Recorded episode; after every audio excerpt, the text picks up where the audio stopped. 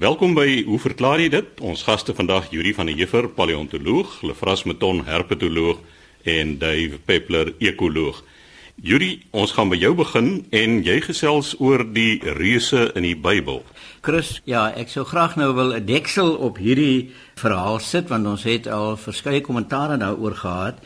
En een ding wat ek nog nie beantwoord het nie, is 'n deel, 'n gedeelte van 'n brief van Jan Venter van Bloemfontein Hy het 'n geruime tyd gelede geskryf en 'n redelike lang brief wat ek nou nie volledig kan lees nie, maar hy sê hy wil voordat ons afstap van hierdie onderwerp net kortliks terugvoer gee en hy noem toe dat my en sy paie so 5 jaar gelede gekruis het, sê hy afsonderlik en onwetend van mekaar toe daar 'n uh, paar hooggeleerde bloemfonteiners volgens hom wat met allerlei dom argumente probeer het om evolusie verkeerd te bewys. En dan uh, herhaal hy nou hierdie hele storie van wat gebeur het. Nou ek ken die oomie van Bloemfontein wat al jare 'n verbeter stryd teen evolusie voer vanuit oorspronklik die apartheidsjare.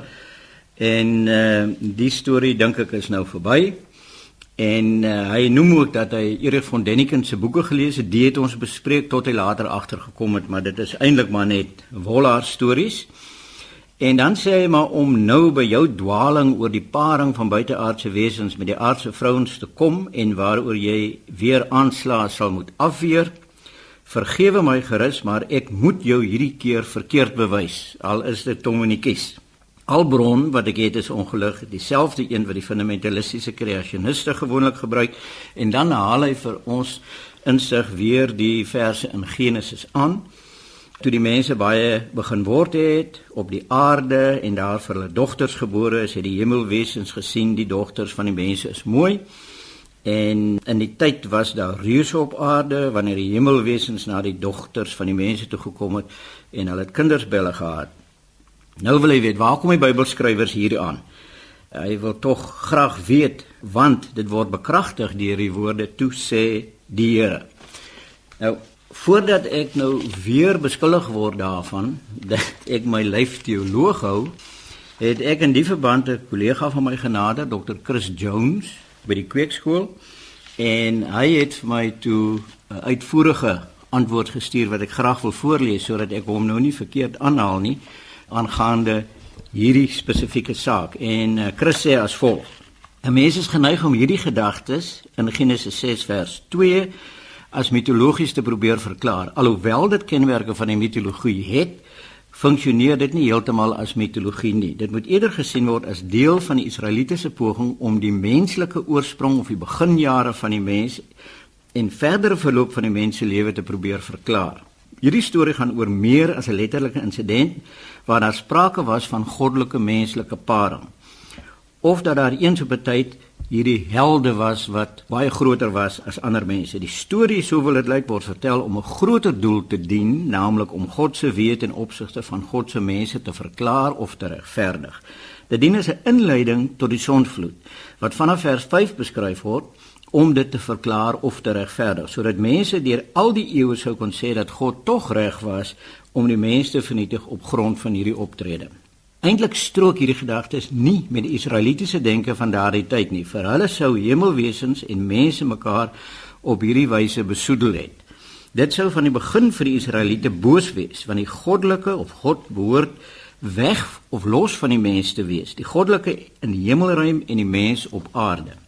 Heilig in daardie tyd was om grense te eerbiedig, dinge op hulle plek te hê, onheilig was om kategorieë te vermeng. Die gedagtegang was dat Israel net heilig kon wees as alles in kursief gedruk op hulle regte plekke was. So mag menslike en dierlike semen of saad nie gemeng het nie, so ook nie die saad en menstruasiebloed nie, ook nie die saad van twee mans nie.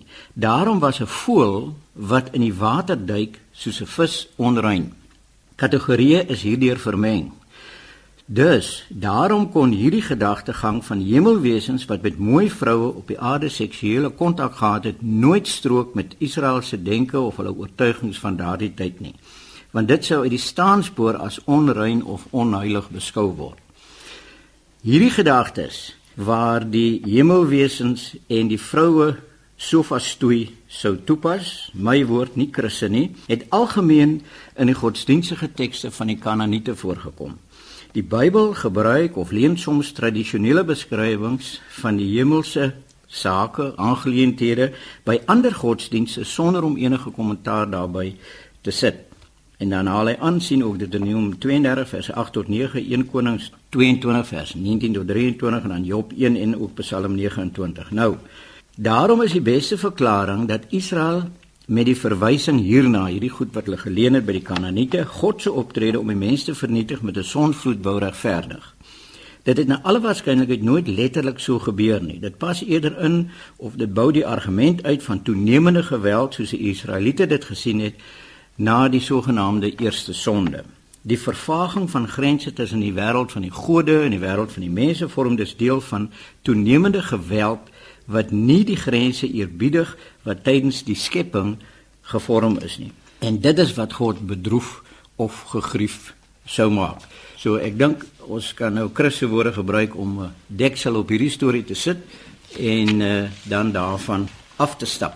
Wat ons wel daarbey kan sê is dat sekere aangeleenthede van hierdie storie duik maar telkens weer op en in die jongste tyd was daar heelwat van hierdie goed wat op die internet opgekom het en dan sien jy mense prentjies van hierdie reuse geraamtes wat ontdek is iewers in die wêreld en dit sou dan 'n bewys wees vir die bestaan van reuse in daardie tyd. Nou ek het van die prentjies saamgebring vandag en die goed is dan gewoonlik digitaal verander. En 'n uh, pragtige voorbeeld wat ek gebring het was 'n opgrawing wat die paleontoloog van die Universiteit van Chicago gemaak het van uh, dinosourier waar die span rondom die gat sit waar die dinosourier uitgegrawe word, maar daar is net groot ledemaatbene. En iemand het toe gegaan en op 'n spesifieke plek op die foto 'n mens skedel digitaal gaan insit en dit vergroot relatief tot die ander mense wat daar staan. So die oorspronklike foto is van 'n dinosourier opgrawe. Die foto wat toegepubliseer is asof dit die opgrawing van 'n reus is, het nou 'n dinosourier geraamte, maar dan 'n groot menslike skedel daarin. So mense wat aan hierdie goed dink, behoort te weet dat daar vervalste foto's op die internet is. Dan sê mense ja, maar onthou nou vir Goliat, hy was darmos ook 'n groot man en 'n reus en Dawid het hom verslaan met sy slingervel. Nou daar is nuwe inligting oor Goliat ook. As jy mense teks duidelik gaan lees en dit is goed gedokumenteer deur 'n Amerikaanse skrywer Malcolm Gladwell waar hy daarop wys dat Goliat waarskynlik aan akromegalie gelei het. Dit is 'n vergroting van die pituitêre klier wat dan uh, te veel groeihormone afskei en ons het sulke mense deur die eeue gehad. En hulle is gewoonlik nie baie goeie vegters of soldate nie. En uit die teks oor Goliat is dit duidelik dat Goliat nie self tot by die punt kon kom waar hy moes veg nie. Hy moes deur iemand gelei word. Nou deel van die probleme met akromegalie is dat jou sig is swak, Jy kan nie goed beweeg nie. Jy's onderhewig aan 'n verskeidenheid van mediese toestande. So uit die teks uit blyk dit dat Goliat gelei moes word tot waar hy kan veg, dat hy vir Dawid uitnooi om na hom toe te kom om dan binne vegafstand te kom. Uh, hy beskuldig Dawid daarvan dat hy met stokke na hom toe kom terwyl Dawid een staf gedra het, so hy het waarskynlik dubbelvisie gehad. En dit blyk dus dat hierdie reuse soos wat Goliat was, is 'n uh, waarskynlike mediese toestand gewees wat die Israeliete natuurlik nie kon verklaar nie. In die lig van die inligting wat ons nou het, wys dit net daarop dat die mens al hierdie stories met respek, maar met 'n groot klompie sout moet neem. So gesels Yuri van der Heever, ons paleontoloog. Dave, jy het 'n vraag ontvang oor eekorings wat klaarblyklik dekgras uittrek. Chris, ja, ek het 'n lekker vraag gekry van Penelope Horwood van Somerset West in Engels. Sy's duidelik Engels en dit is lekker om te hoor dat Engelse luisteraars ook na ons program luister. En sy sê dat vir jaar vir die eerste keer het die um, eekorings haar dekgrasdak vernietig. Dit lyk na pokmerke, sê sy, en sy moes die dekkers al twee maal terugkry om die skade te herstel. En wat dink ek gaan nou hier aan? Dis baie interessant, maar ek dink nog nie ons het eintlik oor die grys eekoring in diepte gepraat nie, miskien jare gelede, maar kom ons kyk gou na hierdie miserabele dier. Ons praat hier van die Amerikaanse grys eekoring Sciurus carolinensis wat miskien 'n genetiese mengsel is van carolinensis en pennsylvanicus. Eh, ons is nie seker nie. Iemand met beslag daarna kyk. Hulle is so 'n half meter lank en die helfte van hierdie nare diertjie is dan stert, baie mooi stert. Hulle is dieselfde grootte as ons grootste inheemse eekoring. Ons moet besef dat ons ook die eh, genus Sciurus het maar hulle is effe swaarder as die bekende sonekoring Heliosciurus metabilis. Raai natuurlik wie hulle ingevoer het, niemand anders as Cecil John Rhodes en dit was so om en by die begin van die vorige eeu, 1900 of 1901, ons is nie seker nie. Ek dink nie hy het hulle self saamgedra nie, maar laat invoer. En toe hierso teen 1920, net 20 jaar later was hulle versprei reg om die Kaapse skiereiland Uiteraard het die sandvlakte van die skiereiland was 'n effense buffer, maar teen 1930 was hulle in Parel, Simondium, Franshoek, Jonkershoek.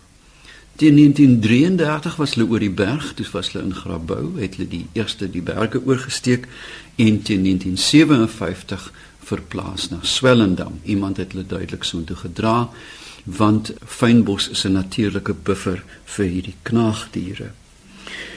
Dit uh, wys ons natuurlik dat hulle beperk is tot die verspreiding hoofsaaklik van eike en dennebome. En dit is hoekom hulle verspreiding in die Kaap so klein is, eintlik gekoppel aan die Engelse eik Quercus ruber.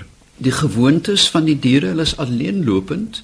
Gewoonlik as jy hulle saam sien, is dit 'n wyfie met een of twee kleintjies by haar en hulle maak dan vir hulle rusplekke Die Engelse naam is 'n drey D R E Y, 'n eekhoringnes sê my woordeboek van losblare. Dit lyk na 'n roofvoëlnes, maar dan sien jy aha, hier steek 'n snorbaard uit, veral in die eikebome. Maar dan ook in holtes in die boom wat hulle dan uitvoer met alle rommel wat hulle kan op blare, lappe, toue ensovoorts. As hulle onder spanning beweeg, dan maak hulle hulle plat teen die boom byna soos 'n koggelmanner en ook 'n koggelmanner gedrag soos jy stap beweeg hulle om die boom. So jy sien hom byna nooit nie. Maar wanneer hulle mens wel sien is wanneer 'n man in paartyd, wanneer mannetjies mekaar koggel, die sterte so 'n sekel maak en dat hulle dan luid roep. Akkers vorm 70% van hulle dieet, dennesaad in die orde van 30 en dan is daar natuurlik groente as hulle die bykom. Vrugte, druiwe, amandels kan jy jou voorstel, eekoring en 'n amandelboord. Maar daar is baie van hierdie diere. In die ou dae, 1918 tot 58, was daar 'n beloning, 'n kopbeloning en toe het die staat betaal vir 33000 sterte. Ek kan nie ek dink dit was 10 shillings 'n stert. Maar uiteraard weet 'n mens dat jy byna geen invloed op 'n bevolking het met hierdie selektiewe vang nie. Maar nou die probleem met eekonings is dat in tye van voedselspanning verander hulle dieet noodgedwonge. Hulle eet swamme, boombas word dan gestroop, grassaad, maar dan ook die eiers en die kuikens van inheemse voeltjies. Hulle is werklik meer doenloos as daar 'n nes met kindjies, moet jy sien hoe hulle hom uitpluk en die skreeuende stomme kuikens hytjie en mytjie opvreet. Hulle is werklik meer doelige voeders en is ook karnivore in daai sin. Ook dan afhangende van waar hulle voorkom kan liggaamsmassa groot. Denneplantasie eekorings weeg byna 40% meer as gevolg van die hoër voedingswaarde van die dennepitte. Wat interessant is dat hulle ook voedsel stoor. Mense sien gereeld die eekoring met 'n akker hardloop, dit dan begrawe en netjies toedruk met die voetjies. Dit is baie mooi om te sien. Met ander woorde, die Engelse noem dit caching. Dit kom voor by voëls en baie ander diere. Maar nou is daar baie interessante gedrag onlangs ontdek. Hulle begrawe die akker so teen 20 of 30 mm en dit beteken baie van die begrawe plekke word vergeet en so word die akker dan voortgeplant. As jy dan krities kyk na die spel, sodra 'n ander eekoring kyk, begin hy fop. Dan maak hy fopgate en maak asof hy 'n akker of iets daar begrawe. En dit beteken hy verdun dan die kans dat sy teenstander of sy kompetisie hierdie moontlike voedsel. Met ander woorde, 40 tot 50% van die gate wat hy maak en met groot moeite toemaak, bevat geen voedsel nie. En dit is net eenvoudig om die toeloerders 'n bietjie te verwar. Hulle het 'n kort dragtyd van 44 dae, pieke November en dan weer in Januarie. Een of twee kleintjies word grootgemaak en speen so op 10 weke. Maar nou, wat op aarde gaan op Penelope se dak aan? In my bykans 40 jaar op Stellenbosch was dit die laaste winter van almal. Hy was 6 weke laat. Alles is vertraag. En daar's 'n paar verklaringe dink ek. Die een is as gevolg van die laat val van die blare was daar minder blare om neste mee te maak. Hulle gebruik droë blare en nie vars blare. Gevolglik het hulle nesmateriaal begin soek om bestaande neste of boomholtes mee uit en daarom die klein dolwe gaatjies op die dak. Die tweede moontlikheid is dat in haar omgewing daar eikebome wat vrot was, gesnoei is en dat die nis vir nes maak vir die diere beperk is en hulle hulle nou toegespits het op die dak. Maar 'n derde moontlikheid is dat die dak in 'n mate verweer was en 'n begrawe plek geword het vir akkers wat nou weggesteek word. En dat omdat ons gesê het dat 30 of 40% van hierdie gate niks bevat nie, het daar dak 'n totale aanslag soos in Irak gehad met eekorings wat of wou nes maak, 1, 2 nesmateriaal gesoek het omdat die paksel van die deklaag bros was of dat hulle eenvoudig dit net as 'n groot land gesien het waarin hulle akkers kan wegsteek. Nou, wat doen 'n mens daaraan laastens? Natuurlik jy moet die goed uithaal of weghou. Om 'n eekoring weg te hou is bykans onmoontlik. Ek het al gesien met 'n woeste gewoer van die stert dat hy op 'n telefoondraad hardloop en regop bly. Hulle is die mees ratse akrobate op aarde. Nou ja, As jy in Engeland woon, kan jy 'n valletjie koop. Ek dink sy naam is die Fen Box waar jy dan grondboontjies ingooi of mielies. Die eekoring steek sy kop in en netjies soos 'n molslag uit sy slat hy sy nek af. Nou ja, ons moet hieroor praat, ons kan dit nou nie vir my nie. Dan uh, gebruik sekere mense warfarin wat jy ook vir rotte gebruik want hulle is knaagdiere. Nou ja, ons het altyd die probleem dat hierdie gif kan versprei. Jy kan as jy op 'n plaas woon, die dier skiet. Daar is geen wet daarteen nie of jy kan hom lewendig vang en die sak metode gebruik. Simbamba metode jy skud hom in 'n sak woel sy kop in 'n hoek slaat hom op sy kop en dan is hy dood. Nou ek moenie gril nie. Hierdie is indringer spesies wat in 'n groot mate beheer moet word as ons biodiversiteit wil handhaaf en ek hoop ek het 'n klein bietjie lig op jou saak gewerf Dave, dit was so interessant geweest, maar help my nou 'n bietjie reg. Kyk, in Engeland mag jy hulle nou met hierdie uh, guillotine tipe valhokkies doodmaak, want hulle is daar inderdaad ook 'n indringer spesies en hulle bedreig die rooi eekoring. En ek dink die het nou sy plek, 'n ruimte, 'n refugium in Skotland waar hulle poog om die grys eekoring uit te hou want dit is werklik 'n gevaar vir die want hulle is aggressief, hulle is baie meer aggressief as die rooi eekoring. Is dit reg so? Absoluut, die rooi eekoring, ek het nog net een gesien en dit was in Switserland. Hulle is totaal verban deur die grys eekoring uit Engeland.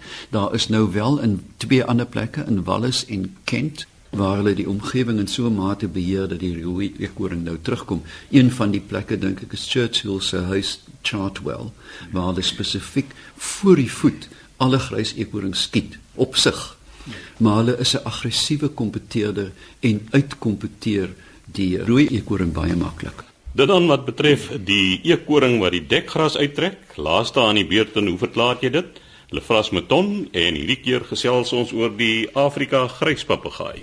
Chris, ons het 'n brief gekry van Gerald Harrison, hy's van Katoo daar in die Noord-Kaap. Hy sê ons het 'n African Grey, dis nou die Afrika gryspapegaai wat nou 19 jaar oud is. Ons was vier mense in die huis, pa, ma, ek en my broer. My broer is 12 jaar gelede getroud en uit die huis. My pa kon van die begin af nie aan die papegaai vat nie en ons vermoed hy of sy was jaloers. Dis nou die papegaai. Ons ander kon hom optel en allerlei dinge doen, maar nie my pa nie. So 2 maande gelede, dit is nou verjaar, 29 Mei, is my pa onverwags oorlede en sowat 'n week terug het ek nou een oggend 'n eier in die papegaai se hok gekry. Dis nou op 19 jarige ouderdom en 3 dae later nog een. Nou weet ons ten minste dit is 'n wyfie, skryf hy. Maar nou die vraag, kan dit dalk wees omdat my pa nie meer hier is nie dat die papegaai nou die eiers gelê het? Of wat kan die rede wees om na 19 jaar 'n eier te lê? Ek dink baie Suid-Afrikaners en baie mense reg oor die wêreld ken die Afrika gryspapegaai, dit is 'n baie gewilde troeteldier, soveel so dat dit vandag 'n bedreigde spesies is. Hulle is natuurlik endemies tot die Kongo en groot getalle word uitgevoer en dan ook habitatvernietiging daar in die tropiese dele is natuurlik ook 'n groot bron van komme. Hulle is natuurlik gewilde troeteldiere omdat hulle sulke uitstekende praters is. Maar ek het sommer net so op die internet bietjie rond gekyk en daar is baie baie sulke gevalle wat rapporteer word waar die wyfies wat dan nou enkel in 'n kou sit, 'n eier sal lê en op verskillende ouderdomme. Ek het die een gesien wat daar aan die 30 jaar oud is en toe skielik op 'n dag 'n eier lê. Nou wil ek ook sê natuurlik by alle voëls wat in gevangenskap aanhou kan die wyfies lê eiers. So die feit dat die wyfie dis eie gelê het is nie so vreemd nie. Ek moet dan nou net by sê dat die Afrika reispapegaai bekend dat hy baie oud word. Daar is gevalle wat wil sê tot 60 jaar of selfs meer kan oud word. En gesien in die lig daarvan is 19 jaar waarskynlik nou nie eintlik vreeslik oud nie. Ons weet ook dat hulle eintlik maar eers begin eiers lê op die van tussen 4 en 6 jaar oud, so hulle begin redelik laat in hulle lewe. So punt nommer 1, die feit dat die papegaai eiers gelê het, niks vreemds nie. Die vraag is nou, hoekom nou na 19 jaar? Wat is die rede daarvoor? En is dit dalk moontlik so dat dit iets te doen het met die pa wat nou nie meer in die huis is nie? Nou, dit is nou moeilik. Dit klink so lekker om te dink ja, omdat die pa nou nie daar is dat dit nou 'n reaksie van die papegaai op daardie gebeurtenis is. En ek was verbaas om te sien op die internet het ek verskeie sulke gevalle gekry waar dinge verander het in die lewe van die papegaai se omgewing dat daar drastiese verandering in die omgewing is en dan lê die wyfie eiers. So dit is werklik 'n moontlikheid dat dit so kan wees. Dit kan bloot toevallig ook wees.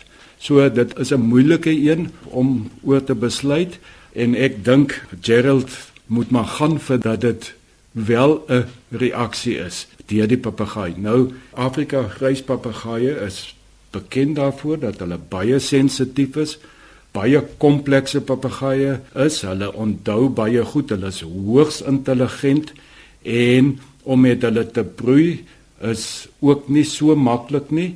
Hulle sê vir al die wat nou as kykens al reeds met die hand groot gemaak is, hulle broei moeiliker as die wilde voëls. So al hierdie dinge sê ja, die papegaai kan nou vreemd reageer op so 'n gebeurtenis. Lefras ek sit in dommel oor die vraag.